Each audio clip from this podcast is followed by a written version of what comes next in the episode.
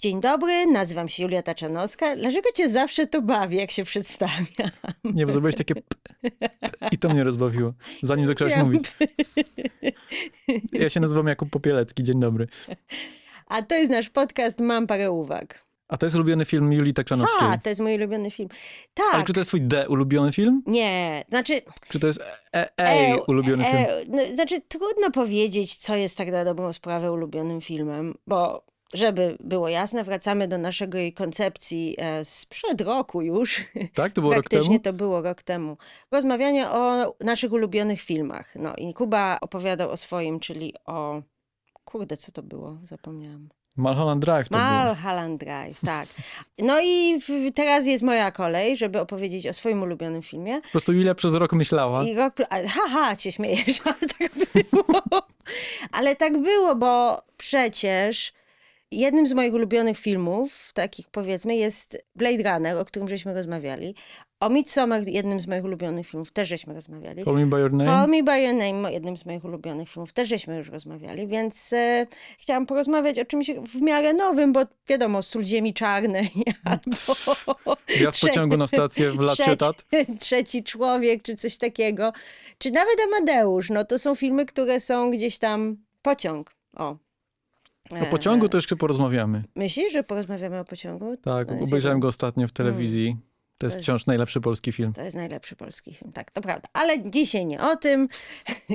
dzisiaj rozmawiamy o Mad Max na drodze gniewu. I co mnie bardzo y, zaskoczyło, ten film mnie bardzo zaskoczył. Jakby ten film jest wspaniały i zaraz będziemy o tym mówić dlaczego i co jest w nim takiego super. Natomiast zaskoczyło mnie te, to, że ten film mi, się tak podobał i właśnie się zastanawiałam, nawet też żeśmy o tym rozmawiali wcześniej, że ja lubię filmy kostiumowe głównie, to znaczy historyczne. Ja w ogóle lubię bardzo historię, lubię filmy historyczne. E, Często lubię się wkurzać też na hi- filmach historycznych, że nie są zgodne z historią, co jest też dosyć zabawne. A tutaj jest film science fiction, postapokaliptyczny i w ogóle odkryłam tak właśnie zastanawiając się nad, nad wyborem tych filmów, że ja rzeczywiście lubię filmy science fiction i że to jest, jest, jest pewna korelacja między Dziwne kostiumy. E, dziwne kostiumy, tak. tak, nie, ale że jest pewien jakiś świat, który rządzi się jakimiś innymi regułami niż nasz świat i wpisanie jakby naszych historii czy naszych emocji w jakiś taki inny świat zawsze mnie fascynowało. Ale w takim I, sensie eskapistycznym? Tak, tak, działa mi to na wyobraźnię bardziej niż historie współczesne na przykład. Bo na przykład Mad Max na Drodze Gniewu, zarazem to jest jakby czysty eskapizm, to jest po- dwugodzinny pościg samochodowy, ale z Mhm. No. drugiej strony to jest opowieść o kończących się zapasach wody, o coraz bliższej, smutnej przyszłości, Tak. o patriarchacie, o kapitalizmie. No, dokładnie. I dlatego jest fascynujący. No tak, ale taki eskapizm, wiesz, no, to nie jest, nie, nie musi być dobry eskapizm. opowiemy wam na miło o tym, jak jest ale źle. Nie, bo to nie o to chodzi, że A lubię... będzie jeszcze gorzej. Nie to, że e, lubię dumę i uprzedzenie, którą lubię. Zresztą e, strasznie mnie się rozbawił ten żart w Barbie, gdzie e, Barbie z depresją ogląda po raz piętnasty serial BBC Duma i uprzedzenie. Byłam tam. W każdym razie Duma i uprzedzenie, no to można powiedzieć, że to jest w pewnym sensie jakiś eskapizm. I chodzi o jakby formę opowiadania historii, że czy jakąś wyobraźnię, że po prostu buduje się, strasznie książki Lema zawsze lubiłam, jak byłam dzieckiem, że ma- masz jakiś inny świat, który jest gdzieś tam wykreowany, który jest tylko i wyłącznie oparty na twojej wyobraźni, a jednak zakorzeniony jakby w naszym świecie i tak dalej. Czy jest też coś takiego, że ciekawsze jest opowiadanie o naszym świecie, kiedy ono nie jest wprost na przykład, Mhm, nie? tak. Znaczy, na przykład najciekawsze filmy polityczne to są filmy nie o polityce. Mhm. Mm, te- nie potrafię teraz znaleźć przy, Tak. przy, przykładu, ale tak mi się wydaje. te, to zdystansowanie się dodaje jakby jakąś ekstra wartość, mi się wydaje, że, że jeżeli jesteśmy w stanie na coś się popatrzeć, na, na jakiś problem popatrzeć się nie właśnie przez naszą, jakby im dalej jest to od nas odsunięte, tym bardziej mamy jakiś właśnie dystans i jesteśmy w stanie coś więcej wyciągnąć, jakichś takich ważnych treści dla nas. Mhm. Tyle tytułem wstępu. To może przejdźmy do reżysera. Przejdźmy do reżysera. Jak oceniasz filmografię pana George'a Millera? Jedno z najbardziej szalonych filmografii w historii kina. Szalony wie... Czy ty wiesz, że on był lekarzem na urazówce? Hmm. E, tak zaczynał. Dlatego e, tyle urazów doznają tak, bohaterowie serii tak. Mad Max. Ja właśnie gdzieś w jakimś e, wywiadzie e, słyszałam, jak opowiada, że on właśnie pracował jako ten lekarz na ostrym dyżurze w takiej części Australii, gdzie jest strasznie dużo, w, mało ludzi, dużo dróg, wszyscy To mają samochody. Samochody. To jest każda część I Australii. dużo jest, dużo widział, no raczej tak, dużo widział wypadków samochodowych i urazów z, po- powypadkowych. Hmm. I stąd właściwie miał ten pomysł ze swoim partnerem, producentem, z którym właśnie postanowili zrobić pierwszego Mad Maxa. Mhm. Totalnie na jakimś nielegalu i w ogóle mieli budżet chyba tam 450 tysięcy dolarów, a film zarobił 100 milionów. Przez bardzo długi czas to był film, który jakby najwięcej zarobił w historii kina. Może zamiast nagrywać ten podcast, powinniśmy wziąć kamerę i pójść na jakąś autostradę. No już za późno, już za późno. E, Natomiast e, biedny George Miller mówił, że po prostu tak myślał, że jest tak beznadziejny i że ten jak, jak montował tego Mad Maxa i jak go kręcił, że nic nie było tak, jak on chciał. I że po prostu, że to jest jakieś, będzie jakaś wielka porażka i tak dalej. No dobrze, że miał studia medyczne za sobą, więc mógł zawsze... Ale to ciekawe, y, bo to się niewiele zmieniło przez takie kilkadziesiąt lat między premierem pierwszego Mad Maxa a, a Fury Road, Mhm. czyli filmu, którego proces powstawania był niesławny. Tak, Tam się straszne rzeczy jakieś tam działy. straszne rzeczy. Charlize Theron i Tom Hardy mało co się nie zabili nawzajem chyba. No, ona podobno mu złamała nos niby przez przypadek e, w jakiejś, podczas jakiejś bójki, a on ją jakoś nastraszył i ona potem zażądała, żeby zawsze był producent obecny przy wszel- wszelkich jakich kontaktach z nim. Osiem miesięcy kręcili tego Mad Maxa. Tego e, Fury Road. Fury Road, Mhm. tak. Po dwóch latach przekładania z roku na rok Mhm. planu zdjęciowego, bo najpierw mieli kręcić w Australii, y, na jakiejś tam pustyni, ale spadły deszcze i cała pustynia zaczęła kwitnąć. więc, więc mieli dużo pięknych kwiatów. Widziałam zdjęcia nawet tej kwitnącej pustyni. Przepiękna. Na- Zamiast na drodze gniewu byłoby na drodze krzewu. Albo... A potem ta pustynia w następnym roku dalej nie wyschła i dalej były piękne kwiaty, więc się przenieśli do Namibii. Em, Problem był taki, że tam te warunki też nie były idealne, bo było bardzo dużo burz piaskowych. Mhm. E, Temperatura w, w, w dzień była 40 stopni, a w nocy poniżej zera, więc, e, a nie wszyscy aktorzy, jak wiemy, byli ubrani odpowiednio do warunków, więc tam naprawdę było, było ciężko. Plus Tom Hardy się chyba nie dogadywał, z, z nikim się nie dogadywał, bo z George'em Millerem Był tak też. głęboko w roli, Tak, też się, też chciał totalnie uciec z planu. totalnie się nie dogadywał z George'em Millerem. E, to znaczy George Miller mu tłumaczył, on nie rozumiał jakby na czym polega jego rola, plus chyba też presja tego, że grał rolę po Melu Gibbs- Gibsonie. Mhm. Nie wiem, straszne. Potem skończyły im się pieniądze i a cała część w Cytadeli nie była nakręcona. Ani początek, ani koniec nie był nakręcony, więc trzeba było, a już Warn- Warner Bros. nie chciało im dać pieniędzy na kolejne mm, dokrętki. Bo to jest ciekawe, bo ja pamiętam, jak się krzykało na ten film. Na Mhm. się krzykało tak, że a, to już jest, wiesz, 30 lat po Mhm. ostatniej części i sam myślisz, że taki Kogo to? spóźniona jakaś pieśń. Tak. Reżyser wraca, ale to taki będzie pewnie powrót, że lepiej, żeby go nie było. Mhm. No jednak udało nie, się. no nie, no. I pomyśl sobie, George Miller 70, był po 70 i operator też był po 70. Więc dwóch starszych panów. To mój, mój ojciec, z którym, e, którego pozdrawiam, ostatnio mi właśnie mówił, żeby, żeby że, że proszę powiedzieć, bo mu opowiadałam, że będę Mhm. nagrywać podcast. Mhm. Proszę powiedzieć, że operator był po 70. Więc, więc tak, no i No, chociaż jeszcze bardziej imponujące, że to nie koniec, że No. teraz George Miller nakręcił Furiozę, No. sequel, no to teraz ma już trochę więcej lat. No trochę więcej, no zobaczymy. To jest też ciekawe, że ten film jest. Jak, może tak, cała seria jest Mhm. ciekawa. W takim sensie, że to jest seria, jedna z tych takich serii, które się zmieniają. Mhm. Tak jak na przykład seria Obcym, tam co in, inny reżyser, co film i każdy film jest w trochę innej konwencji. Tutaj jest cały czas ten sam reżyser, ale też jest tak, że ta konwencja się zmienia. Tak? Pierwszy Mad Max jest takim w zasadzie niskobudżetowym, niezależnym, undergroundowym kinem. On się trochę wpisuje w te fale exploitation, Tak. czyli takich filmów eksploatacji australijskich. Swego czasu była nawet retrospektywa na Nowych Horyzontach. y, Mm. Dużo dziwnych filmów. E, potem mamy drugi film, który jest takim, takim klasycznym, poważnym science fiction z lat Mhm. 80. Tak mi się Tak. wydaje, że jednym tchem można go wymieniać tam z Blade Runnerem i jeszcze z Tak. kilkoma innymi filmami. zwłaszcza z Blade Runnerem, myślę. Potem y, d- Mad Max pod kopułą gromu, to to już jest prawie kino nowej przygody, bo tam Mad Max nagle się dzieci, staje się tak. ojcem dla grupy dzieci, Tak. jest Tina Turner. Tak, tak, jakieś walki.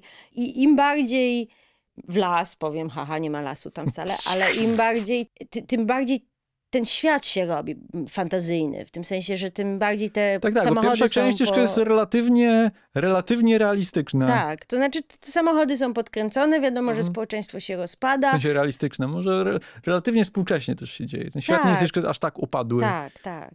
No. A tutaj mamy, teraz mówię o Fury Road, Mhm. on wyszedł w 2015, prawda? To, co mnie uderzyło, oglądałam przed podcastem ten film, to jak bardzo on jest współczesny w tym momencie, prawda? Mamy super upały, no, mamy pożary, mamy huragany, prawda? Kryzys klimatyczny, topniejące lodowce, mamy, mamy jakiegoś dziwnego przywódcę, właśnie tutaj Trump się mm, kojarzy, który po prostu zarządza jakimś kultem. Mhm. Świat jest podzielony, jest tyle agresji wszędzie.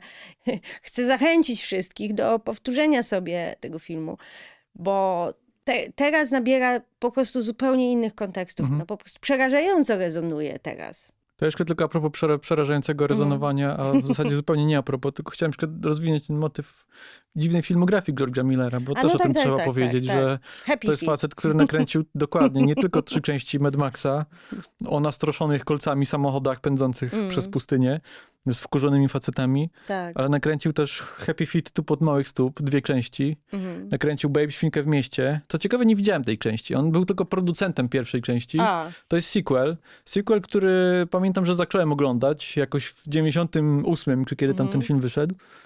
Mm, Ja nie widziałam tego. W 98 dokładnie trafiłem, bingo. Ha! Tam jest zły Beagle, jeśli się nie mylę. I to mi się O. nie podoba. A, no bo ty kochasz Bigle. Zresztą mniejsza o złego Bigla. Y, jeszcze jest szereg innych dziwnych filmów w filmografii No, George'a Millera. Znaczy, Czarownice z Eastwick znaczy dziwnych, zwłaszcza w zestawieniu z Bad Maxem. Tak. Czarownice z Eastwick, tak. na przykład. Olej Lorenza. No i ostatnio właśnie trzy tysiące lat tęsknoty, które takie było, trochę było rozczarow- rozczarowujące. Mi się film podobał, ale z dużymi zarzutami. Mhm. I to jest ciekawe, że jak się go ogląda, zwłaszcza po Mad Maxie na Drodze Gniewu, który jest po prostu wycyzelowaną, totalnie odpimpowaną machiną, Tak. gdzie każda śrubka jest na swoim miejscu i to konteksty wszystkie pracują i to jest absolutnie nienachalne i absolutnie funkcjonalne i po prostu wszystko No. działa. Jest to pewnie jeden z najlepszych filmów w ogóle. Tak. To 3000 lat tęsknoty nie jest Mhm. jednym z najlepszych filmów w ogóle. Jest takim bardzo kulawym, niespełnionym, chociaż yy, ciekawym i miejscami nawet yy, odkrywczym, to już za dużo powiedziane, ale jest tam kilka takich ujęć, jakich nigdy wcześniej nie widziałem Hmm. w filmach, więc yy, wydaje mi się, że George Miller to jest taki reżyser, który którego ciągle coś swędzi, który Mhm. ciągle szuka yy, i który jest niespełniony mimo tej siedemdziesiątki mm, na karku.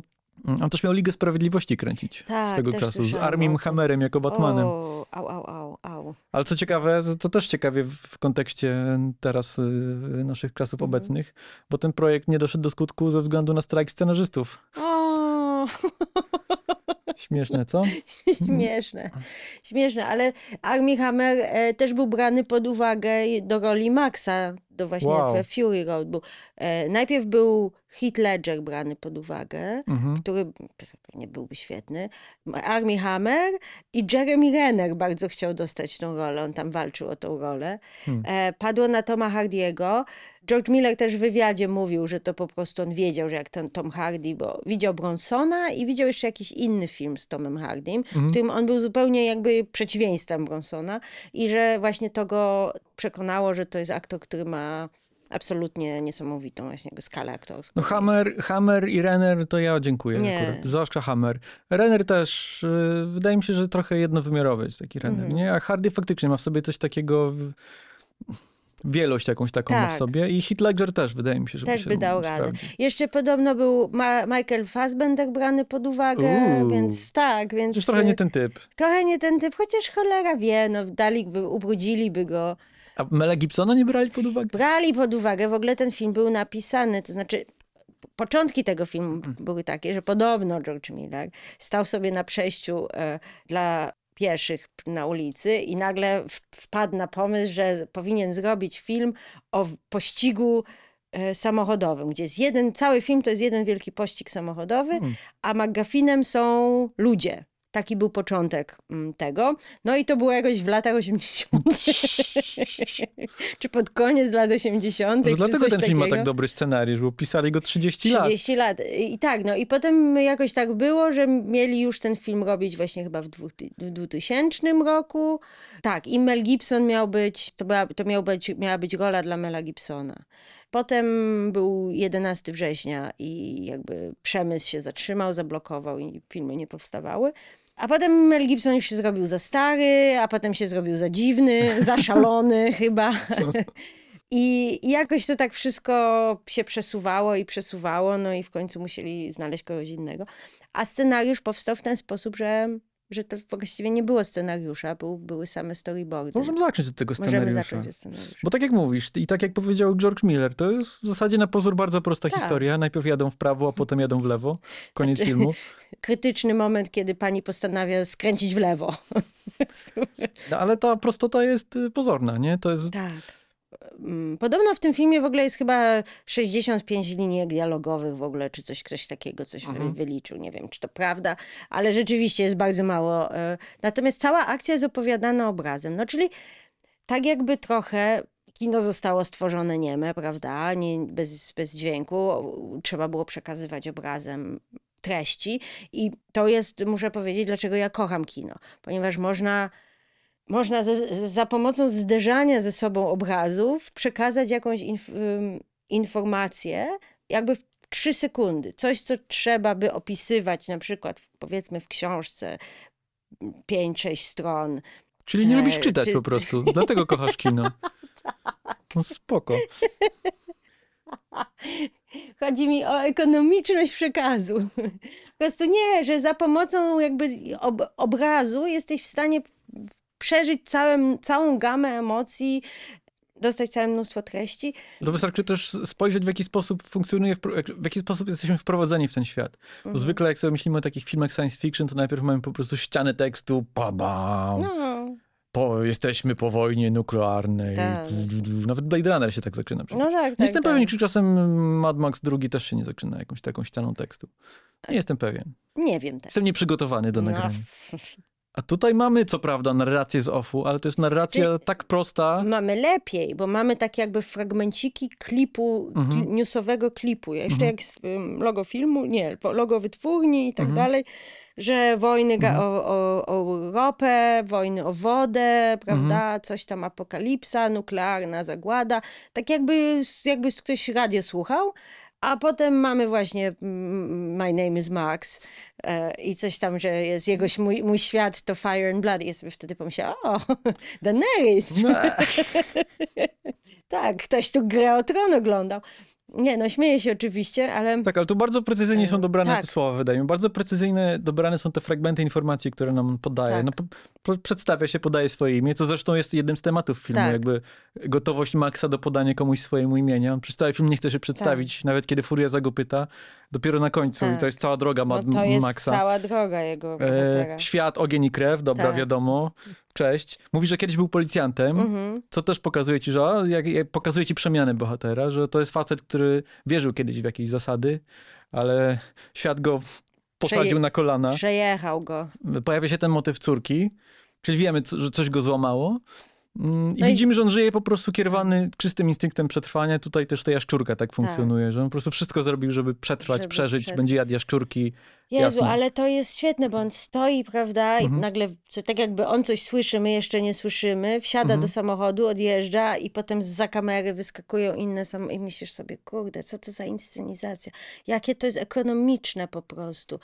Wiadomo, że wszyscy się zachwycają tym, jak to jest zrealizowane, że wyścigi, że, Boże, wyścigi, że pościgi, że sceny kaskaderskie, że efekty specjalne prakty- i że cały czas jest akcja i cały czas y, jest to, to napięcie, y, widzowie są trzymani w napięciu, ale dlaczego widzowie są trzymani w napięciu? Bo ta historia, bo zależy nam na bohaterach, chcemy, żeby oni osiągnęli ten cel, wiemy jaki jest ten cel, jest ten cel jest bardzo jasno powiedziany, co kto chce i jaki jest Jedziemy do zielonego zakątka, a I- potem tak, nie, wracamy. wracamy. tak, ale w tym sensie, że wiesz, kto ucieka, wiesz, kto go, ko, kogo goni, jakie są stawki, dostajesz to po prostu w błyskawicznym, jakby telegraficznym skrócie obra pokazane obrazem. No chociażby ten, kiedy Max jest rozciągnięty na, już go złapali, prawda, i tatuują go Mhm. i mają go obrędować i on zaczyna uciekać, zresztą to jest też świetnie zro zrobiona mm, scena i potem oni go łapią, jest cięcie i widzimy szyję Charlize Theron, czyli Mhm. Furiosy, z obrędowanym i już wiemy i widzimy, że ona nie ma ręki i już nic nie trzeba nam więcej mówić. Już wiemy, że to jest osoba, która Mhm. przeszła swoje i po prostu taka ekonomia i potem jeszcze ten znak, prawda, który jak ubierają Immortal Joe i, i, Ta kierownica. i ta kierownica, którą ją na, na krocze mu nakładają, prawda? Tam jest, to jest prawie, że sklejone z cięciem, w którym Tak. Furioza e, Tak. kładzie rękę na kierownicy. Nie wiem, czy Tak. ona włącza tę kierownicę w swojej ciężarówce, Mhm. a potem mamy cięcie na Immortan Joe'a i taka sama kierownica ląduje na jego tak, kroczu. na jego kroczu, ale to już widzimy, że to on branduje, jakby, tak. jakby dostajemy telegraficznie wszystkie informacje, które, które potrzebujemy wiedzieć. No i, i też to, jak on jest przedstawiony, jak on jest ubierany, prawda, że stare ciało, stare, schorowane ciało, które jest przykryte takim męskim, jakby plastikowym, jeszcze to jest plastikowe, czyli to jest Mhm. jakby sztu, tym bardziej sztuczne, ta, ta zarys tej, tych mięśni Mhm. i me, medale jakieś dziwne na, na jeszcze tym. pobielony. I pobielony jest, tak, co, co też jakby hej, No.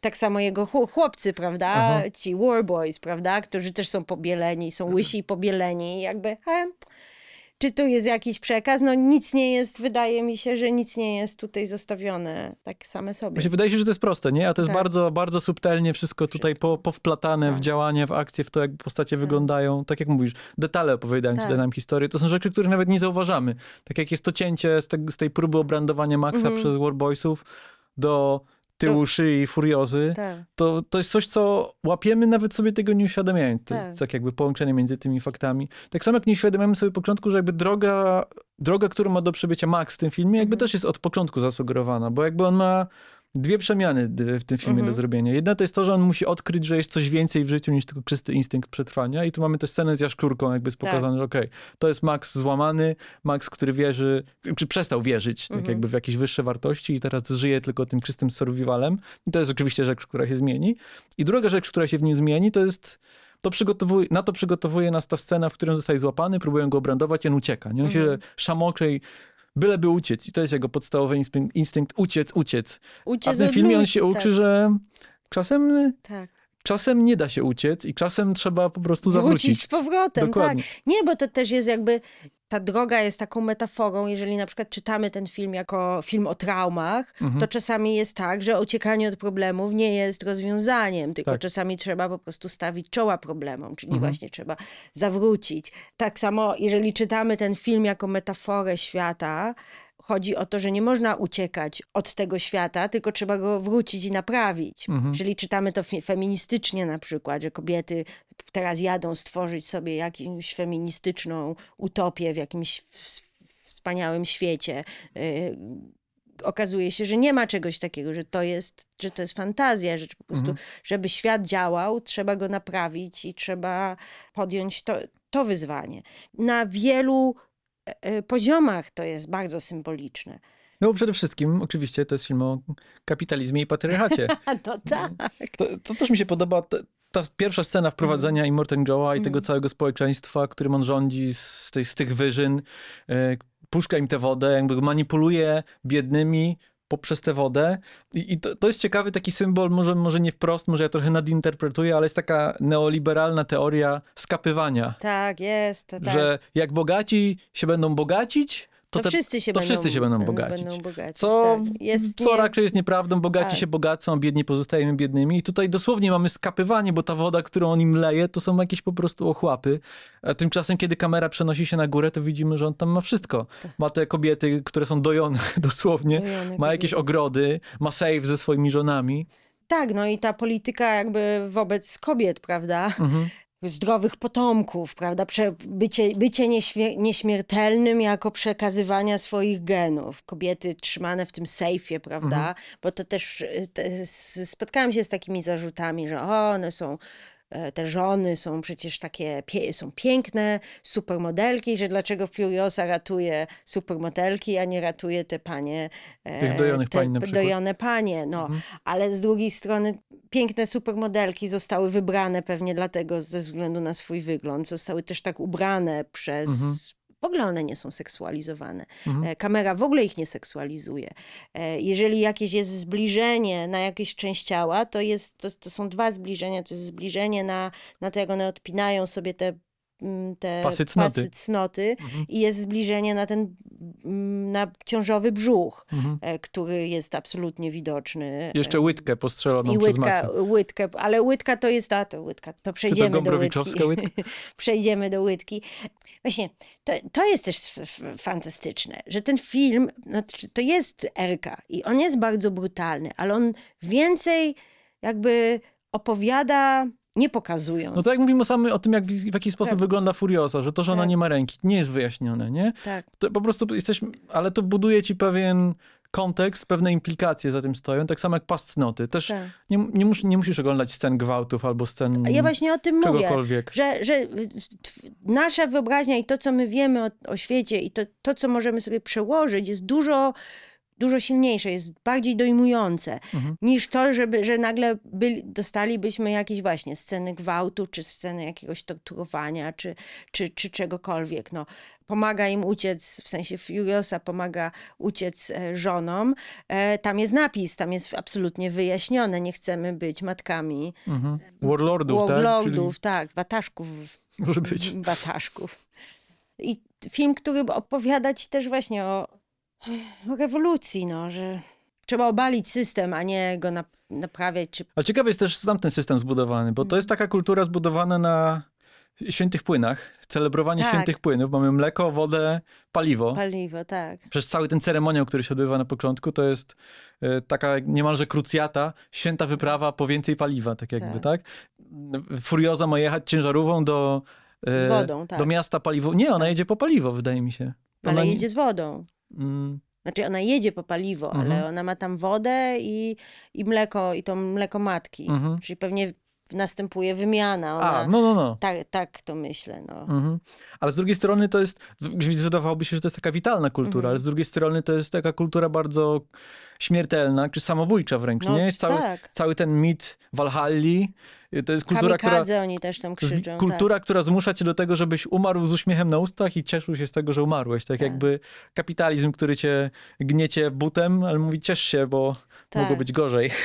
Ta toksyczna męskość, która tam, prawda, Mhm. że ci chłopcy ewidentnie są jakby chorzy, plus z braku innego słowa, do jednorazowego użytku, w tym Mhm. sensie, że ich jest tylu, mogą zginąć, nikt się nie przejmuje, Mhm. a cały jest kult zbudowany wokół tego, że ta śmierć jest taka honorowa i że dobra, może teraz na ziemi tu jest okropnie, ale w Walhali będzie cudownie i wspaniale, shiny and chrome, prawda? Mhm. A ty widzisz, że ten Immortan Joe jakby absolutnie jego nie obchodzą ci, ci chłopcy, nie obchodzi ich życie. Jest jakiś kult, jakiś właśnie, czy kult osobowości, czy kult właśnie jakaś taka dziwna religia, mm, tylko po to, żeby, żeby on miał więcej rzeczy, prawda? Więcej wody, więcej kobiet, więcej zielonego jedzonka. Dlatego tak jak mówisz o rewolucji, to dlatego tak ważny jest ten moment na końcu, kiedy oni przywożą jego ciało i obnażają, że ten Immortan Joe, czyli nieśmiertelny Józek, jednak jest jak najbardziej śmiertelny. To jest Tak. taki moment trochę jak z Czarnoksiężnika z Krainy Oz, że oni odsłaniają kurtynę i się okazuje, że, Że nie ma. Boga nie ma, Tak. że to jest wszystko oszustwo.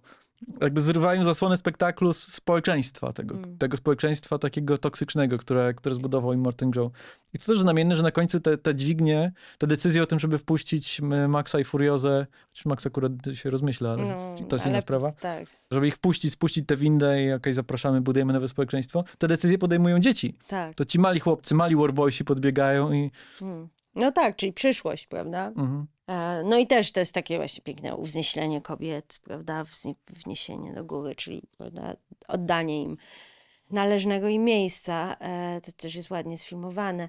Jeszcze w, nawiązaniu do tych Warboysów, że, bo też właśnie się mówi, że patriarchat jest jakby tylko krzywdzi kobiety, nie, że Mhm. bo tu jest ewidentnie pokazane, że patriarchat krzywdzi wszystkich, którzy nie są u władzy. Mhm. Czyli tak samo krzywdzi tych właśnie chłopaków, wmawiając im jakieś absolutnie bzdurne zasady i totalnie dziwny zestaw poglądów, Mhm. prawda, I, i cele i tak dalej. A w gruncie rzeczy to są wszystko biedne chłopaki, które pewnie potrzebują, tak jak właśnie Nax, No jest ta po- scena, po- że on zostaje, z drugim ta scena, gdzie oni wyruszają w pościg i, i Morten John na niego spogląda, tak mimochodem, Tak. sekunda i mówi, a zobaczył mnie, jestem widzialny, tak. taka potrzeba jakaś bycia docenionym. Tak. Chłopiec czeka, aż tatuś go Aż- pogłaszcze po głowie, No. a potem mamy taką scenę, która kontynuuje ten wątek, to jest już ten drugi pościg, tak Mhm. jakby kiedy Nax z powrotem dołącza do pościgu i on mówi, teraz, teraz się wsławię i wskakuje na tę cysternę i, I ten pośli- łańcuch, którym był tak. wcześniej przykuty do Maxa, tam się zahacza i on spada i Morten John mówi, a co za miernota. Mediocre, tak, tak. Ale wiesz, jest ten ale- łańcuch, ten łańcuch jakby patriarchatu, nie? Tak. Który, który go wiąże. Chociaż z drugiej strony to jest łańcuch, któremu zostaje przyczepiony do cysterny, czyli to jest ten, też ten łańcuch, który go zbawi ostatecznie, nie? To jest tak, ale też łańcuch połączenia jakby międzyludzkiego, prawda? Mhm. On był połączony z Tak. Maxem, tym łańcuchem, prawda? Tą krwią, prawda? Na początku to było wykorzystanie Maxa, ale Mhm. potem można powiedzieć, że jakaś ludzka, ludzkie połączenie. No przez, to też jest świetnie w tym filmie. Tam wszystko Rekwizyt. jest, rekwizyty, tak, tam wszystko jest wszystko coś znaczy. No, ostatnio żeśmy rozmawiali o serialu The Bear, e, gdzie też żeśmy się zachwycali, przynajmniej ja się zachwycałam. Tam nie ma, nie ma niczego, co by było niepotrzebne. Mhm. E, wszystko jest użyte e, w scenariuszu i tutaj jest dokładnie to samo. Wszystko jest użyte do czegoś. Zaczyna się, dlatego chciałam powiedzieć, że do łydki wrócimy, ale Max strzela do żony, prawda? Mhm. Strzela, rani żonę. I potem żona się poślizguje na, na, Mhm. na krwi i Mhm. ginie i, i tak dalej. I gdyby nie to, to może by się nie poślizgnęła, prawda? Nie ma nic, co jest rzucone. Tak samo ta akcja cała z butami, że kolega z y, Lancer chyba, z samochodu Naxa, który łapie buta Maxa, bo tam spada, ma, Max go skopuje, a on zdejmuje but Mhm. Biorą Naxa na, bo on, miał, on ma tą szarfę tych Mhm. żon, a tamten woła tam z tyłu, ja mam buta, ja mam buta. Nie, spadaj z tym butem. Potem Max zdejmuje buta Naxowi, a potem Ma Max oddaje buta, Mm. prawda, jak tam idzie rozwalić tych z Bullet Farm kolesi. Oddaje mu buta i tak jakby go akceptował, że teraz hej, masz tu, jesteś człowiekiem, masz tu buta, prawda, którego ci zabrałem, który mi został zabrany. Wszystko jest Właśnie, czymś. właśnie to jest ta pozorna prostota Tak. tego scenariusza, bo, bo to się, film jest zbudowany z prostych, z prostych działań. Ktoś jedzie samochodem, ktoś przykuwa się do kogoś łańcuchem, ktoś e, pobiera komuś krew przez rurkę, ale te proste rekwizyty i te proste gesty i proste działania, one mają całe jakieś głębiny znaczeń na Tak. sobie zbudowane. No chociaż to w jakiś sposób, chociażby to w jakiś sposób ta, ten motyw transfuzji funkcjonuje w filmie Mhm. gdzie, gdzie to się zaczyna jakoś taki, jako jakiś taki akt agresji na kimś, e, taki Tak. pasożytniczy niemalże, gdzie ci warboysi próbują wyssać witalną, Dobrą krew, tak. witalną krew Maxa, Mm, a na końcu Max altruistycznie dzieli się swoją krwią z furiozą, więc to jest taka droga o- od worka do człowieka, tak jakby, Tak. nie? gdzie Max jest najpierw workiem, workiem na krew po prostu, Mhm. potem jest e, osobą gotową do poświęcenia, kimś, kto swoją witalną energię jest w stanie poświęcić dla drugiej osoby. Mm, Tak samo też ten łańcuch na przykład Mhm. działa, tak? To, to jest w ogóle świetne też na poziomie takim inscenizacyjnym, zabawowym, slapstickowym niemalże. Tak. Ta cała, ta cała szamotanina e, i, i wszystko, co się dzieje w tej, w tej sekwencji po burzy piaskowej. No gdzie tak, tak. Max się budzi, próbuje się uwolnić od Naxa, do którego jest przykuty, gdzie próbuje mu odstrzelić rękę, ale niestety strzelba jest Tak. nienabita, co potem też się odbija jeszcze, bo Max tą samą strzelbę używa do zastraszenia dziewczyn. tak. Potem Furioza mu zabiera tę strzelbę, próbuje go zastrzelić i wtedy ona odkrywa, że ta strzelba jest nienabita, No, więc wkurza się jeszcze jest bardziej. Bez znaczenia w tym filmie, no. Właśnie o tym mówię. Ten e, łańcuch zresztą, o którym mówimy potem, też tak. mówiliśmy wcześniej, który wraca, kiedy Nax próbuje się popisać przed Mhm. Immortem Joe'em, no i się tam Tak. przewraca, ten go nazywa miernotą i tak dalej, i tak dalej. No tak, a potem używają tego tego nożyce też mają. Nożyce, też mają Nożyce, znaczenie, tak. nie? Nożyce, którymi najpierw Nax chce się uwolnić, a potem te nożyce są użyte do tego, żeby uwolnić Maxa, który tam gdzieś go tam coś szarpie takiego, Tak. nie? I dziewczyny, żony go obcinają. A E, potem, a potem jest a jeszcze... potem Nax używa tego, tych nożyc, żeby odciąć te takie harpuny, którymi Tak. oni próbują spowolnić e, cysternę. Mhm. No, setupy i payoffy. To, Seta- to tak. chyba w, w odcinku o Strażnikach Galaktyki 3 mówiliśmy Mhm. o setupach i payoffach dużo. Zresztą na takim prostym poziomie to Mhm. często działa, bo na przykład jest ta scena inwentaryzacji Pistoletów. pistoletów. Tak. Więc to przygotowuje nas tro- trochę na to, co się będzie potem działo, bo oni tych wszystkich pistoletów potem używają w walce z pościgiem, E, ale też jest budowany suspens, bo się okazuje, że tutaj w drążku e, skrzyni biegów jest ukryty nóż, Mhm. więc wiemy, to jest, my coś wiemy, czego Max nie wie. A potem na przykład to, w jaki sposób oni o, współpracują używając tej broni, to ci pokazuje, jak zmieniła się relacja między Tak. Maxem i Furiozą, bo oni sobie pomagają, podają sobie tę broń, przeładowują sobie nawzajem. Teamwork pokazany przez rekwizyt, tak, Tak. jakby. Nie trzeba nam powiedzieć, nie musi być linijki dialogu, gdzie ktoś mówi, a super, mi się z tobą współpracuje. Tak, no, no nie, no dokładnie. Ktoś komuś podaje pistolet i już widzisz, Tak, i już że wi- pół godziny temu te osoby nie podałyby sobie pistoletu. Dokładnie, ale, ale jak mówisz o tym liczeniu naboi, to potem to Mhm. i tak jest wykorzystane, prawda? Jak zostaje jeden, jedyny nabój. My Tak, wiemy, tak, że tak. to jest jeden, jedyny i, Mhm. i Max oddaje, Mhm. e, że, bo wie, że Furiosa lepiej, zastrzy- znaczy celniej trafi, Mhm. co zresztą się dzieje. Mhm. No to w ogóle to jest ciekawe, bo to głównie na tej relacji się film opiera. Ja bym nawet zas zasugerował, że to Furiosa jest bardziej bohaterką tego No, filmu niż Max, nie, no tak, ale jakby sercem filmu jest ta relacja między nimi. tak. Nie no, to jest jej I to w jaki historia, sposób ona, ona po kolei, jakby małymi kroczkami, małymi takimi ustępstwami, oni zaczynają widzieć w sobie Siebie. godne zaufania osoby. Gdzie najpierw mamy te kwestie na przykład z tą ciężarówką, bo, bo Max też, to, to mi się podoba, że Max nie jest bohaterem żadnym. Nie. On nie chce ratować żadnych kobiet. On bierze ciężarówkę i chce I chce- spieprzać. tak. Tylko niestety ciężarówka nie działa, bo Furioza ma swój magiczny kod, który musi wklepać. Mhm. I nie chce mu go podać, więc on jakby niechętnie się zgadza. Potem oczywiście sytuacja się komplikuje i Furiosa musi mu zdradzić ten kod. I to jest już pierwszy taki mały kroczek do jakiegoś Tak, ich porozumienia. I... potem mamy szereg takich różnych Tak, kroczków. ale nie wiem, czy zauważyłeś, tam jest tak, taki moment, jak ona mu podaje ten kod, bo on trzyma, trzyma jedną z tych żon na muszce, Mhm. czy trzyma pistolet cały czas odblokowany i ona Mhm. mu podaje ten kod Mhm. i on w tym momencie jakby odklikuje. To jest bardzo mały taki sz- szczegół, ale jakby on jakby nagle ona mu ufa. No ktoś pierwszy musi komuś zaufać, więc ona mu ufa Mhm. i wtedy on jakby też, dobra, to może cię nie zastrzelę. Ale też fajnie, że to nie jest taki happy go lucky, że Nie. na przykład ona mu, ona go pyta o imię, a on mówi nie, nie. nie, No to nie jest od razu, To nie jest prawda? od To- razu. To się buduje i No. to też przez te sceny akcji e, to też się buduje, prawda? Jak oni tam mm, uciekają od tych kolesi na motorach. Kolczaści prawda? panowie. Kolczaści panowie. Nie, bo pie, nie, kolczaści panowie Pierwsi to są są kolczaści, pięści. sorry. Potem są kolesie, którym ona wisiała benzynę Mhm. i oni chcą To są swoją ci w, w tym przesmyku. Tak, w przesmyku, tak, górskim. I jak oni właśnie współpracują wtedy razem, podają sobie tę bro, tą, tą broń, Mhm. prawda? I to, tam jest teamwork, i jak to muzyka też podbija. Mhm. Bo zauważ, jaki, jaka triumfalna, taka wspaniała muzyka, która tam gra Mhm. e, w, czasie, w czasie tego pościgu. I w ogóle te sceny akcji są na tej zasadzie budowane, że ciągle im coś im nie wychodzi. Znaczy, absolutnie w każdym momencie wie, wiemy, co się dzieje, gdzie kto jest.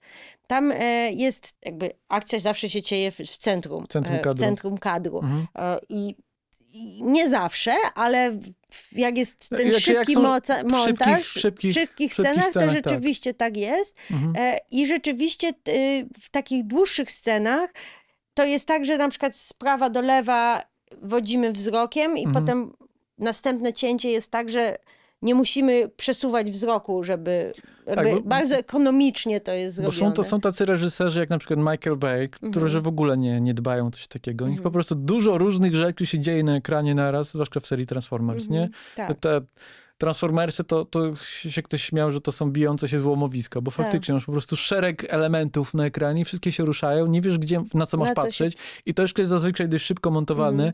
i kamera się dość dynamicznie rusza, więc po jakimś czasie po prostu się wyłączasz, bo nie jesteś w stanie tego ogarnąć wzrokiem. Natomiast tutaj jakby George Miller pozwala nam Znaczy nie wymaga od nas wiele pracy. Tak. Tak. jak mówisz, w tych szybko montowanych scenach po prostu wystarczy się patrzeć. To, Na- to na nie jest tak, że my się zastanawiamy nad tym. Po prostu się patrzymy tam, tak, gdzie coś tam się się, dzieje. gdzie patrzymy, tak. Patrzymy się tam, gdzie się patrzymy.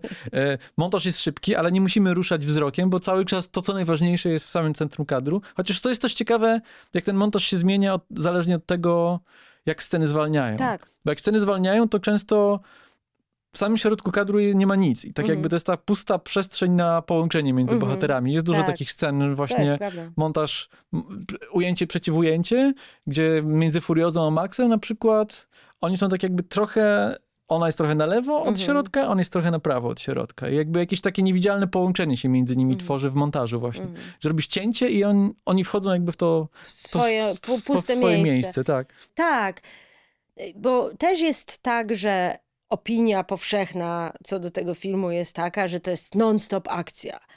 To nie jest non-stop akcja. Mhm. To znaczy, jest dużo scen akcji, Mhm. te sceny akcji są bardzo intensywne, ale jest równie dużo scen, gdzie się nic nie dzieje, gdzie jest ten tak zwany odpoczynek, E, bo gdyby to była non-stop akcja, to też byśmy wysiedli jako... e, To, to, to napięcie jest bardzo dobrze budowane i bardzo dobrze stopniowane w tym filmie i dostajemy momenty, kiedy jest jakaś refleksja, kiedy właśnie na przykład ginie blond żona. Precious ona chyba się Precious, nazywa? nie, nie, Splendid, Splendid, przepraszam. tak. Rosie Huntington Whiteley. Tak, tak. Więc jak ginie Splendid i oni są smutni i potem ta jedna z tych żon chce uciec, prawda? Swoją drogą ta, która yy, nazywa się Fragile, tak. Fragile. Czyli ta Tak, krucha. mm, krucha, tak.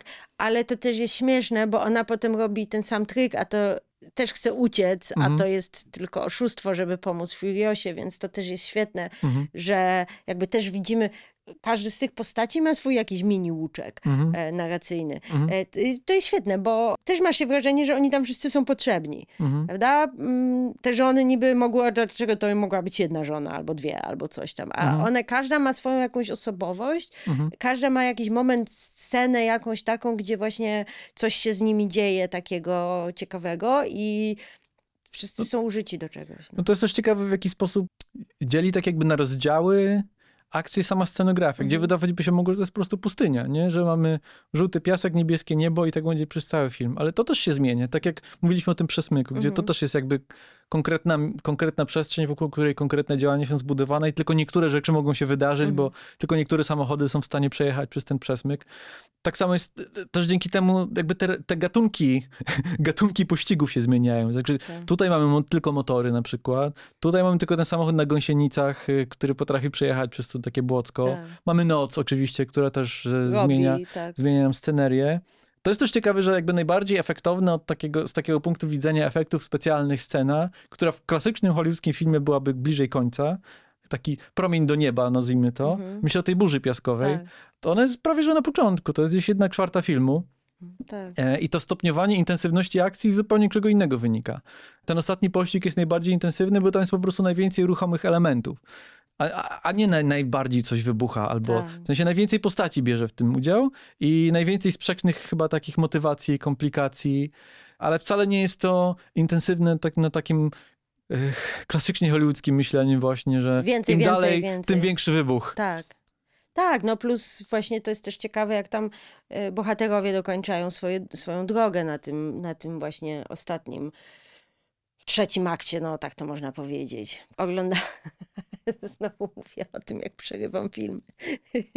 Oglądałam ten film i po, o, oni zdecydowali się, że wracają, to ja musiałam zastopować na chwileczkę, bo to był ten moment, gdzie tak, okej, dobra.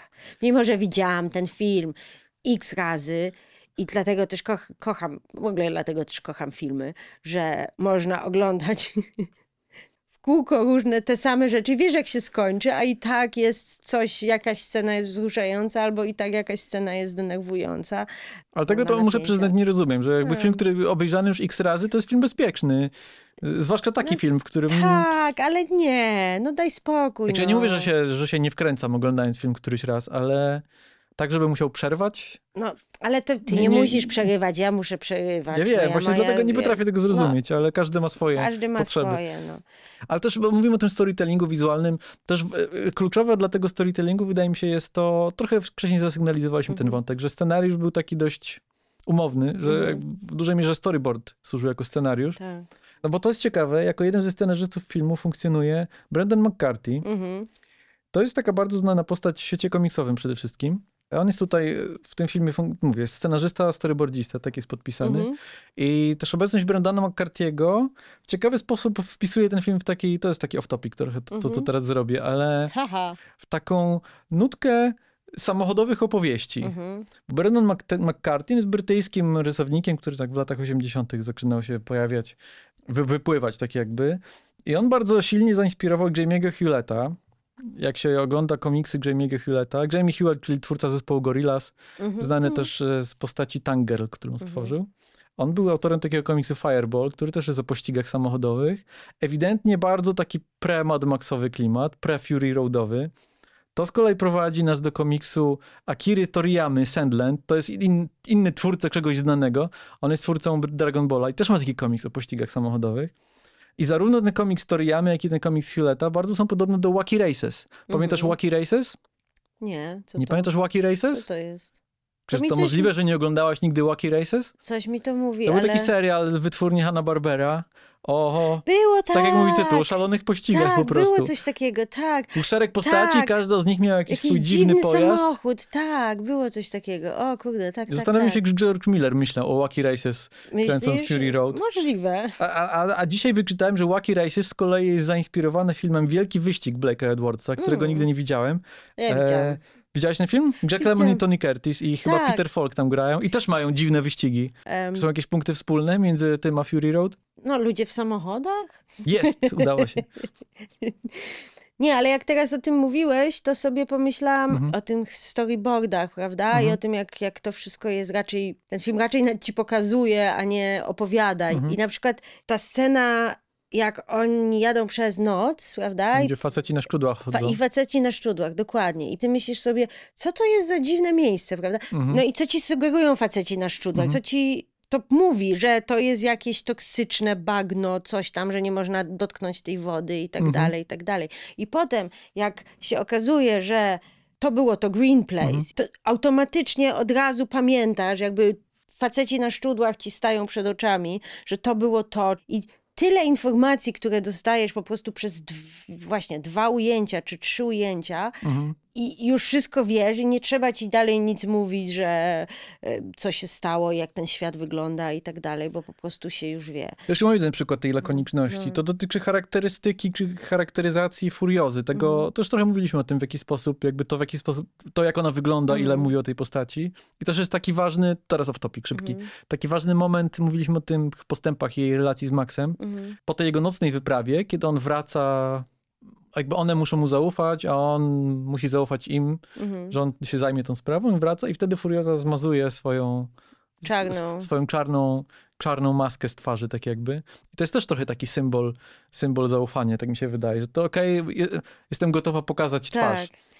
Ale o czym innym chciałem powiedzieć? Mhm. Chciałem powiedzieć o tym, że Max pyta w którymś momencie Furiozy, czego ona chce. Mhm. I ona mówi, że chce odkupienia. I nic więcej nie jest powiedziane w tej kwestii. I to jest kolejny przykład takiej rzeczy, która jest powiedziana wprost, nie dopowiada, ale jest pewną implikacją, z której ty możesz sobie wyczytywać pewne, pewne podejrzenia, pewne konteksty. To też, też jest ciekawe to, w jaki sposób ona się cieszy szacunkiem wśród Warboysów. tak. Bo ten pierwszy jej gest y, Skręcenia w lewo. Skręcenia w lewo, tak. Tam ten jeden Warboys, który, który jedzie z nią, on jakby pyta, co się dzieje, nie? Ale ona, ona mu chyba nic nie mówi nawet i on jakby szanuje ją. Tak. E, Szanuje jej decyzję Mówi, aha, takie są rozkazy Mhm. skręcamy teraz, jedziemy gdzieś indziej. i to ci też pokazuje drogę, którą ta bohaterka musiała przejść. Kiedy poznajemy całą jej historię, że ona jest z zielonego zakątka, porwana jako jedna z Tak. żon prawdopodobnie, która w toku swojego życia dochrapała się tak wysokiej pozycji e, w tym co dziwnym musiała zrobić, społeczeństwie. prawda? Tak, co musiała zrobić. Tak, tak, i to jest takie przykre. I, bo to też co, co jest w tym filmie, że to jest pokazane, że tam wszędzie są ludzie Mhm. pod spodem, Mhm. że być może jest ten świat, który brutalizuje wszystkich i, i przejeżdża, i, ale w gruncie rzeczy to, co jest ważne, że ci ludzie jednak, że człowieczeństwo jednak jest, prawda? Mhm. Że jednak ci ludzie nie tracą jakiejś wartości, nie tracą potrzeby się wspierania i bycia razem. To też jest ciekawa ta, ta e, interakcja między mm, jedną z żon, a tą e, babcią z nasionami, Mhm. która mówi, że ona je, wiesz, jeden strzał, jeden, jeden trup, czy Mhm. coś takiego. I ta żona mówi, ta blond żona mówi, a to myślałam, że wy nie jesteście takie. Mhm. A ona wtedy pokazuje te nasiona i mówi, nie, my jesteśmy takie, Mhm. prawda? My chcemy, żeby rzeczy rosły, ale kiedyś nie, nie trzeba było strzelać. No, to świat jest taki, więc nas zmusza, ale to nie jest tak, że, że one się cieszą tym, że radują się zabijaniem. No to nie Mhm. sprawia im frajdy. W odróżnieniu od tego, jak to widzisz, jak ci mężczyźni, jak ci jak ten, ten koleś z Bullet Farm na przykład, czy e, Pan bez nosa, Pan bez nosa, tak z dużymi stopami. z dużymi stopami, które też pokazują ci jego olbrzymie stopy. To jest takie budowanie świata z jednej strony, a potem oczywiście, że ta stopa się przydaje, jak, prawda, jak on wielką stopą tam dociska gaz i tak dalej. Ale też Furioza fajnie funkcjonuje jako przełamanie trochę takiego może uproszczenia silnej kobiecej bohaterki. O, oczywiście. Że okej, ona jest silna w takim sensie dosłownym, nie? I, I dobrze jeździ samochodem i strzela i tak dalej, ale też widzimy, że jest ludzka, też ma coś na sumieniu, tak jak powiedzieliśmy o tym, że dochrapała się jednak swojej pozycji w tym złym imperium, ale też y, jest czuła, tak jakby. To nie w takim sensie, że o, to jest kobieta, więc ma emocje, Mhm. wiadomo, nie? Tylko w takim sensie ludzkim, absolutnie. I nawet ten moment jej takiego one-linera finałowego, gdzie ona mówi, pamiętasz mnie? Jak odrywa maskę Tak. i Morten Joe'owi, to ona to mówi jakby będąc samemu na skraju śmierci, tak jakby. I ona Tak. to mówi w taki sposób bardzo właśnie wrażliwy, ludzki, pełen takiego jakby cierpienia, a nie takiego chełpienia się, hej, jestem bohaterką i teraz Hmm. sprzedaję linijkę tekstu, jak Arnold Schwarzenegger.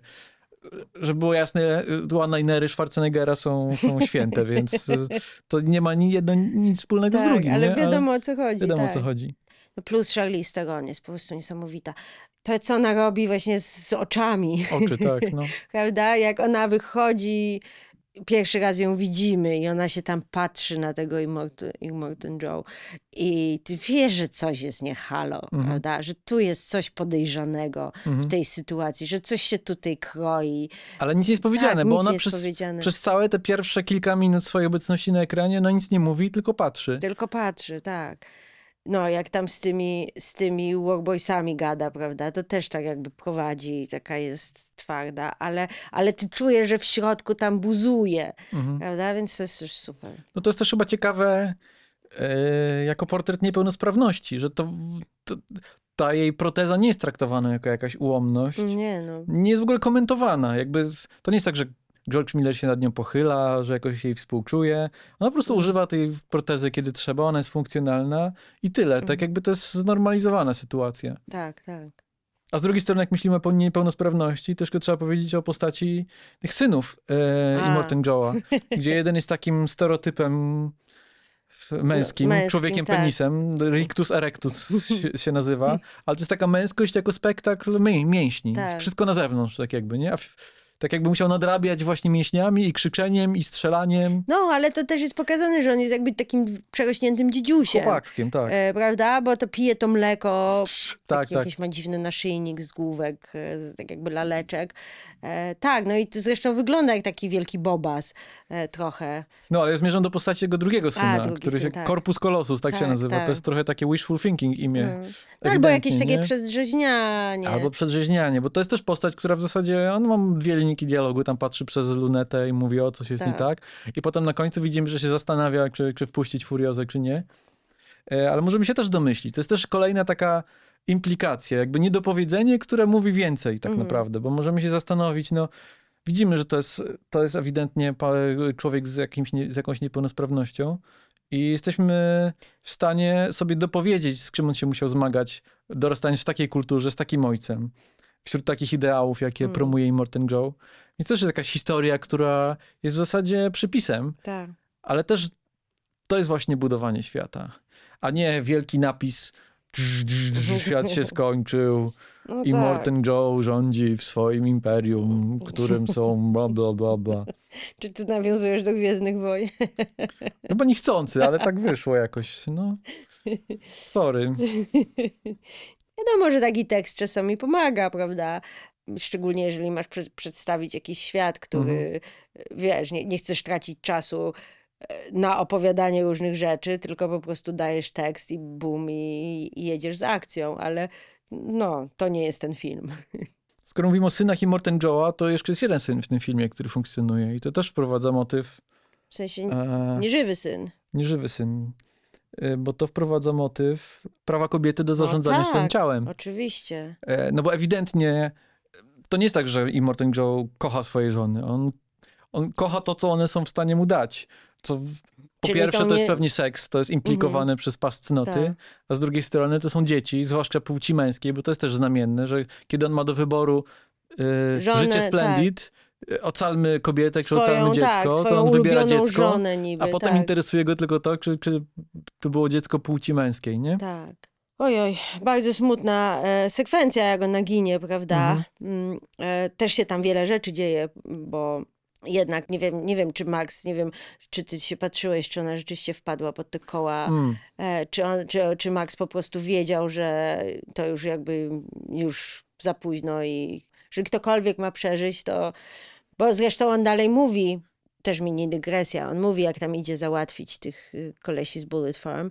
Furiosa mówi, a co jak silniki wystygną, a ciebie nie będzie? No, no to jedźcie, Jedźcie, dalej, mhm. prawda? Więc chodzi o jakby w tym momencie jakiś cel, prawda? Że, Mhm. że chcemy stąd uciec, to, to robimy, No robimy tak, jest taka pragmatyczna kalkulacja. Prag- no, dokładnie, dokładnie. Jakby pomagamy sobie, wspieramy się i tak dalej, ale to jest taka sytuacja trochę zero-jedynkowa, tak? Ktoś musi podjąć tę decyzję niestety. No tak, no jest Mniejsze duża zło tak. Tak, jest duża szansa. No, zauważ, że Immortal Joe jakby rozwoli, rozwalić Mhm, samochód, niż tak. jakby mm, wie, przejechać swojego syna. Mhm. Jest to bardzo wyraźny jakby głos w sprawie tego, że te kobiety są przedmiotami. Nawet się o nich mówi, the breeders, prawda? Mhm. To jest określenie, którym się mówi, określa z, z właśnie rozpłodowe zwierzęta. Mhm. Tam któraś, Zoe Kravitz w pewnym momencie mówi don't damage the goods, Mhm. prawda? Czyli chodzi o, o to, że one są warte, bo prawdopodobnie one są zdrowe i to też jest implikowane, są zdrowe i potrafią rodzić zdrowe dzieci, więc są super wartościowe. No, on je trzyma w sejfie. No, w sejfie się trzyma swoje najbardziej, najbardziej wartościowe przedmioty. No to jest też ciekawe, jak ten wątek ciąży powraca, bo potem ta postać grana przez Abby Lee, czyli ta e, blondynka, też się okazuje, że jest w ciąży, nie? W Tak. rozmowie z tą jedną z, z, z matek. Mhm. I ona jest bardzo, bardzo ma ambiwalentny stosunek do tego. I Myśli, o, kolejny syn i tak dalej, a ta jej sugeruje, że hej, może być zawsze dziewczynka, nie? No tak. No tak, ona taka jakby, Mhm. nie dochodziło do niej to nawet, że ona może, prawda, e, urodzić. Podobno jest komiks, który całe jakieś backstory robi e, do tego filmu. No, E, I tam też- tłumaczy całe różne, różne historie i właśnie, że te... Ale ja powiem szczerze, nawet nie jestem specjalnie nie? zainteresowana. Ja się właśnie tym, tak. zastanawiam, dlatego mam trochę ambiwalentny stosunek e, do filmu o Fu- Furiozie, Mhm. bo właśnie tutaj od, od półtorej godziny chwalimy lakoniczność i jakby Tak. sugerowanie rzeczy bez dopowiadania ich. Podczas gdy okazuje się, że George Miller w międzyczasie nakręcił film, w którym będzie dopowiadał historię Furiozy. Wiesz, może, Ale ale strony- może będzie pogłębiał bardziej, no. Wie, wiesz jak jest. Jest dużo Słuchaj, Ania. Taylor-Joy w roli głównej. No tak, no. Chris Hemsworth powiedział, że zagrał swoją najlepszą rolę w, his- w karierze jako czarny charakter. Jako czarny charakter. No tak, tam Tom Berg też gra, zdaje się właśnie i, Mm. i, Mor- i Morton Joe em, młodego, więc że to niby ma być walka o władzę między Tomem A. Bergiem a Hemsworthem. Hemsworthem, tak. Czyli em, Orson Welles kontra Thor. U, no. Kontra czarownica. Kontra czarownica, tak, z Wikinga. No myślałem to o czarownicy z czarownicy raczej. A, no. czarownica z czarownicy. No tak, tak, tak. No, ale ona też jest przecież Olga z Brzozowego Lasu w No tak, Wikingach. tak, tak. Wikingu. Olga z brzozowego lasu. Czy jakoś tak było. Tak, tak, dokładnie tak. Nie, bo to jest śmieszne, jak ten Nax nie wie, nie wie, co to jest drzewo, prawda? A, I mówi, to, to, to coś tam i pokazuje na drzewo, prawda? I tak myślisz sobie, no tak, no skąd on ma wiedzieć, co to jest drzewo? Też uwielbiam tą scenę, pewnie zaraz przejdziemy do Naxa jeszcze, ale uwielbiam tą scenę, jak one siedzą e, i patrzą na satelitę i tak marzą o tym, że kiedyś każdy miał program. myślę, że to chyba o Podobno- YouTube'a chodzi, co? Nie wiem, czy o YouTube'a, czy o co, ale...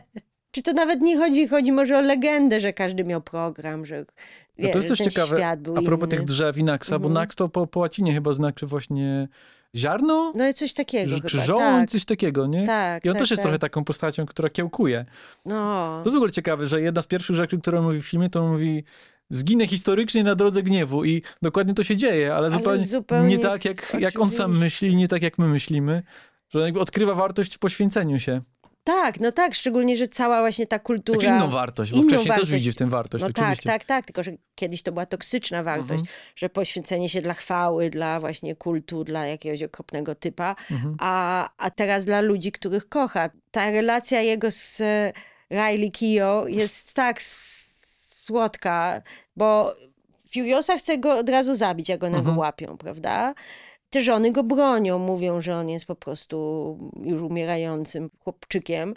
I, I on jest taki cały rozklejający się i tam płacze i tak dalej. Postać grana przez Riley Keough daje mu pierwszy raz chyba ciepło i jakieś zrozumienie i słucha go jakby chyba. Nikt wcześniej pewnie Mhm. nie był tak miły dla niego. No to jest też ciekawe, jak on nie potrafi się odnaleźć w tej sytuacji, gdzie Tak. nagle traci cel i jakby jedyny język, jaki on zna, to jest język przemocy, więc on tę przemoc kieruje po prostu na samego siebie i zaczyna Tak. tam walić głową, chyba w ścianę tak, czy coś. Tak, I przychodzi ta Riley Keough i mówi, e, tak.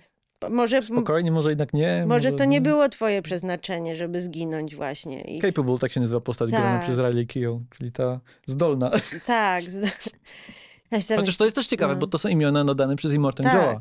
Więc to też, to też trochę mówi o tym, jak on je widzi, nie? Że ta, ta, o której się mówi, że jest krucha, że jest fragile, to jest trochę tak, że ona została wpędzona w, przez niego w taki, w taki charakter. Splendid to też jest imię nadane przez Tak. Immortan Joe, to jest jego ulubienica po prostu, nie? Też ma, też ma te blizny na twarzy, prawda? Więc to też możesz sobie wyobrazić. Zresztą nie jest tłumaczone, że możesz sobie wyobrazić, co tam się A to Abby Lee z kolei The Dog się nazywa ta postać. W Mhm. australijskim slangu doczytałem, że to jest określenie ekscentrycznej osoby. I ona A, faktycznie jest taka najbardziej dziwna. Jest ta taka scena, że ona się modli, No a postać e, Zoe Krawic, jest, nie pamiętam jak ma na imię, The ale... Knowing tutaj mam. A, ale, jest, ale to jest tak, ta, ona jest najbardziej właśnie, ona liczy broń, ona Mhm. widać, że się umie tym posługiwać i tak dalej, więc jest taką, taką jakby dobrą... Pragmatyczna. Pragmatyczna, pragmatyczna. E, No tak, ale wracając do Naxa i do, do tej relacji, i, i to jest naprawdę super wzruszająca scena, jak on się poświęca, Mhm. prawda? I jeszcze z tym poświęceniem, prawda? Znowu będę chwalić wspaniały scenariusz opowiadający po prostu super skrótowo wszystko. Bo srebrny spray, prawda? Że ten srebrny spray też nie wiadomo, co to jest. Czy to jest jakiś narkotyk, czy to jest. Wszystko jedno, jest to świetne. Ale pierwszy raz, jak widzimy ten srebrny spray i to, że oni tam wołają witness me, prawda? Mhm. Jest jak kolej zostaje postrzelony i wszyscy, jakby cała akcja się nagle zatrzymuje, patrzymy się na to, co się dzieje, Mhm. on jest postrzelony, sprayuje się to jakby, nie wiem, jakimś speedem czy czymś i właśnie woła witness me i To jest ten, który skacze, tak? W wzorowym tempie z tymi takimi z tymi dwoma lancami, lancami. i rozwala ten samochód. Mhm. I wszyscy tam o, krzyczą, że wow. I, I potem jest taka ta scena, kiedy Nax wjeżdża burzę piaskową. I on już zaczyna i mówił, what a day, what a lovely day. I Max widzi, że on zaczyna rozwalać ten samochód i Mhm. mówi, witness me, blood bag. I, I my już, my wiemy, Max wie, co się będzie działo. Nie trzeba nam nic tłumaczyć, że teraz mówi, a teraz popełnię samobójstwo, czy Mhm. Tylko wiadomo, co się dzieje i Max go A Max mówi, powstrzymuje. o nie, muszę cię tak, muszę powstrzymać. cię powstrzymać, tak. I to, I to też wiesz, bo też go widzisz po jego twarzy, że jakby do jasnej cholery Mhm. Prawda? Nie chcę zginąć z tym wariatem. I, I potem, jak jest to witness mi zupełnie w innym kontekście, gdzie on mówi, jakby oddaję, Mhm. jakby poświęcam się dla ciebie. To jest tak jakby wyznanie miłości w tym, w tym momencie. To jest tak piękne i wzruszające. I też ta muzyka jest taka podniosła w tej scenie. Bo też musimy powiedzieć o tym, że muzyk, ścieżka dźwiękowa, w ogóle ścieżka dźwiękowa tego filmu, te efekty dźwiękowe, jakie tam są, No i postać gitarzysty. a, postać gitarzysty. Co on tam robi? Nie wiem, ale drzemie w pewnym momencie, to też jest ekstra. tak. Tak. Potem nam też Max do niego wskakuje w którymś momencie Tak, i tam chyba tak. przywala jego gitarą. Zresztą ta gitara, jak, skoro mówimy o rekwizytach tutaj granych przez cały Mhm. film, to też ma swoją puentę, bo jest ta scena właśnie wywrócenia ciężarówki przez Naxa i ten jakby wielka eksplozja i ta gitara wlatuje Wlatuje. prosto, prosto w kamerę. Więc to jest jakby puenta wątku, wątku gitary. Gitary, tak. Nawet gitara ma swój łuk narracyjny No w tym filmie. oczywiście, oczywiście. Cała akcja kaskaderska, prawda? Ci kolezie na tych drutach, co to są? Co to są? Tyczki, na tych Tyczki, tyczkach, tak, które, no. które po prostu lądują. Co to jest za pomysł w ogóle? I to jest też tak wspaniałe, że po prostu masz właśnie w tym finale, że masz po prostu atak z każdej strony. Tak, bo to też komplikuje, bo wcześniej ruch się odbywał horyzontalnie. Tak. Z lewa w prawo, z prawa w lewo, a potem jak wchodzą tyczki, to też dochodzi oś góra-dół. I to jest fajne, że to jest taki film, który jest taki bardzo wybuchowy, bardzo ekspresyjny, bardzo taki ostry, ale w środku jest y, czuły, taki No tak. kruchutki i taki z serduszkiem. Nie, no absolutnie, no absolutnie. To jest niby prosta historia, ale po prostu tyle jakby metaforii, tyle treści tam jest pod spodem, pod, ukryte pod tymi wybuchami, no.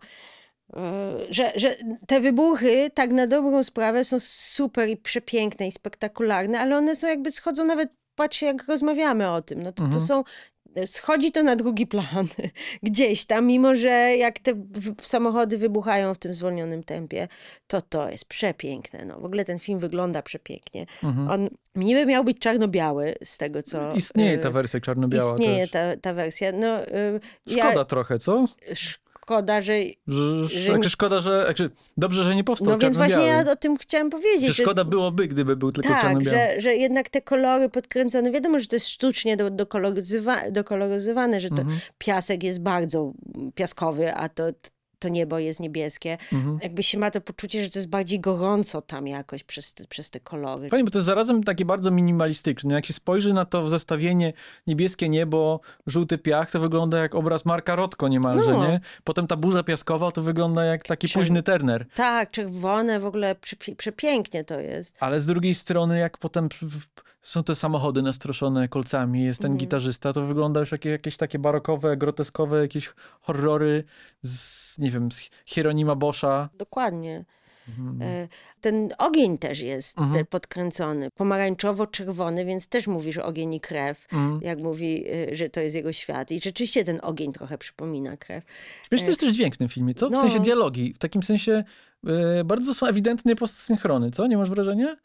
Nie, nie, nie Ale to tworzy jakieś takie dziwne wrażenie jakiejś, taki, jakiejś takiej Oni tam, tam jest dużo... super intensywnej rzeczywistości. Tam jest dużo dialogów spoza kadru. To znaczy, te, te dialogi jakby szybko są podawane. Aha. E, jak, no jest ta słynna scena, kiedy Fu- Furiosa się orientuje, że nie ma zielonego miejsca. Mhm. I te, te kobiety mówią przez siebie, jakby bardzo szybko ci podają informacje, albo y, że, że właśnie minęłaś to i że wszystko jest popsute i tak dalej. Równie dobrze możesz tego, tych dialogów mogłoby nie mieć, bo ty już masz tą Ważne, że informację. Charlie skrę, klęczy Ten w zwolnionym klęczy, tempie. Klęczy w zwolnionym tempie. W ogóle też używ...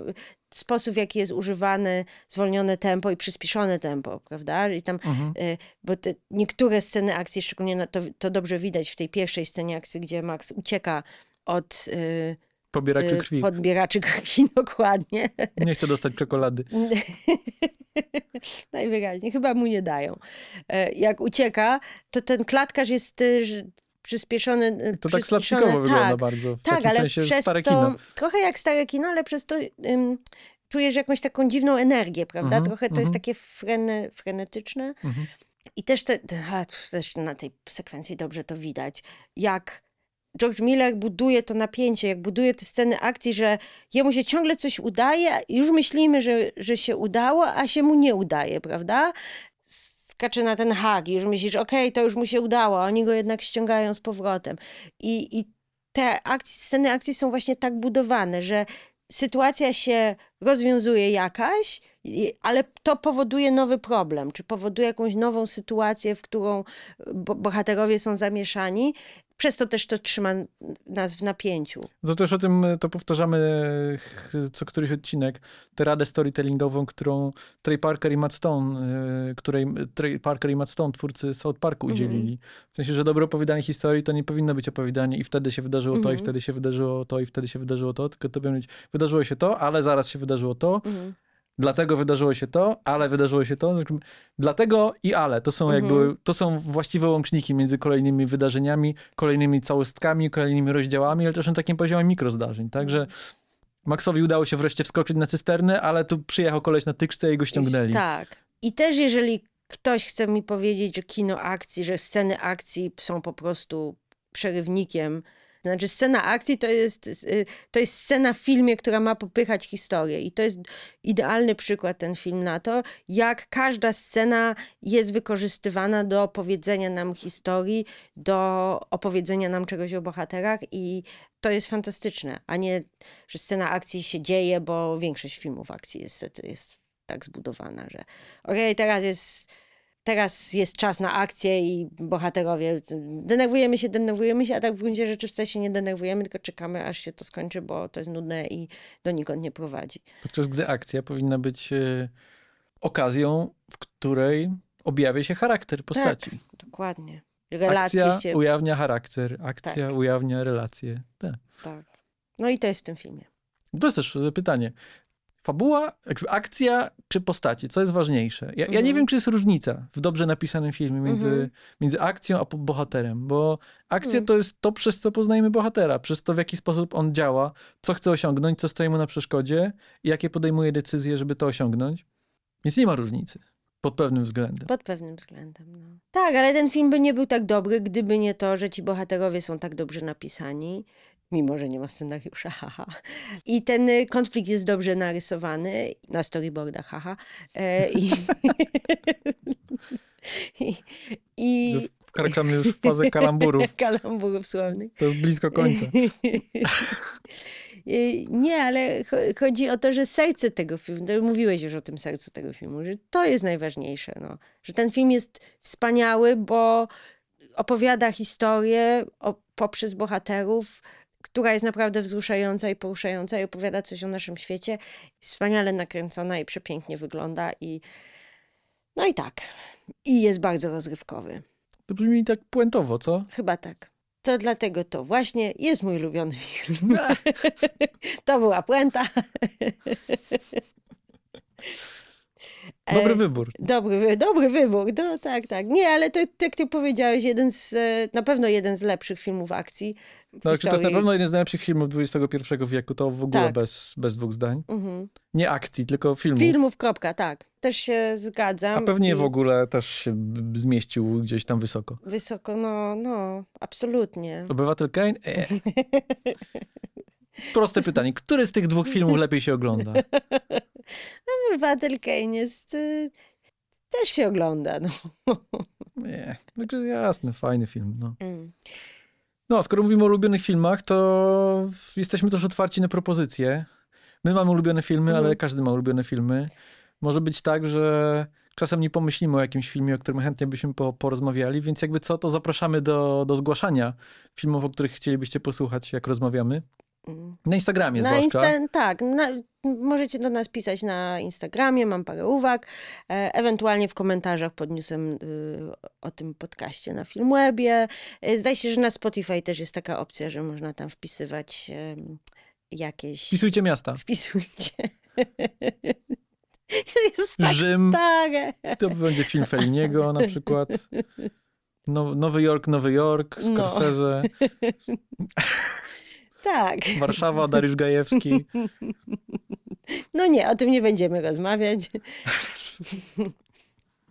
Ale jesteśmy naprawdę e, otwarci na propozycje, bo teraz chyba nas czekają Zaczynają chude, wy- wyjmować filmy z kin. tak, chude czasy. E, Właśnie nagrywamy ten podcast w dniu, w którym, a to trochę a propos pustynnych Mhm. klimatów, okazało się, że Duna wejdzie do kin nie w tym roku, w którym miała wejść. Duna 2 oczywiście. mhm.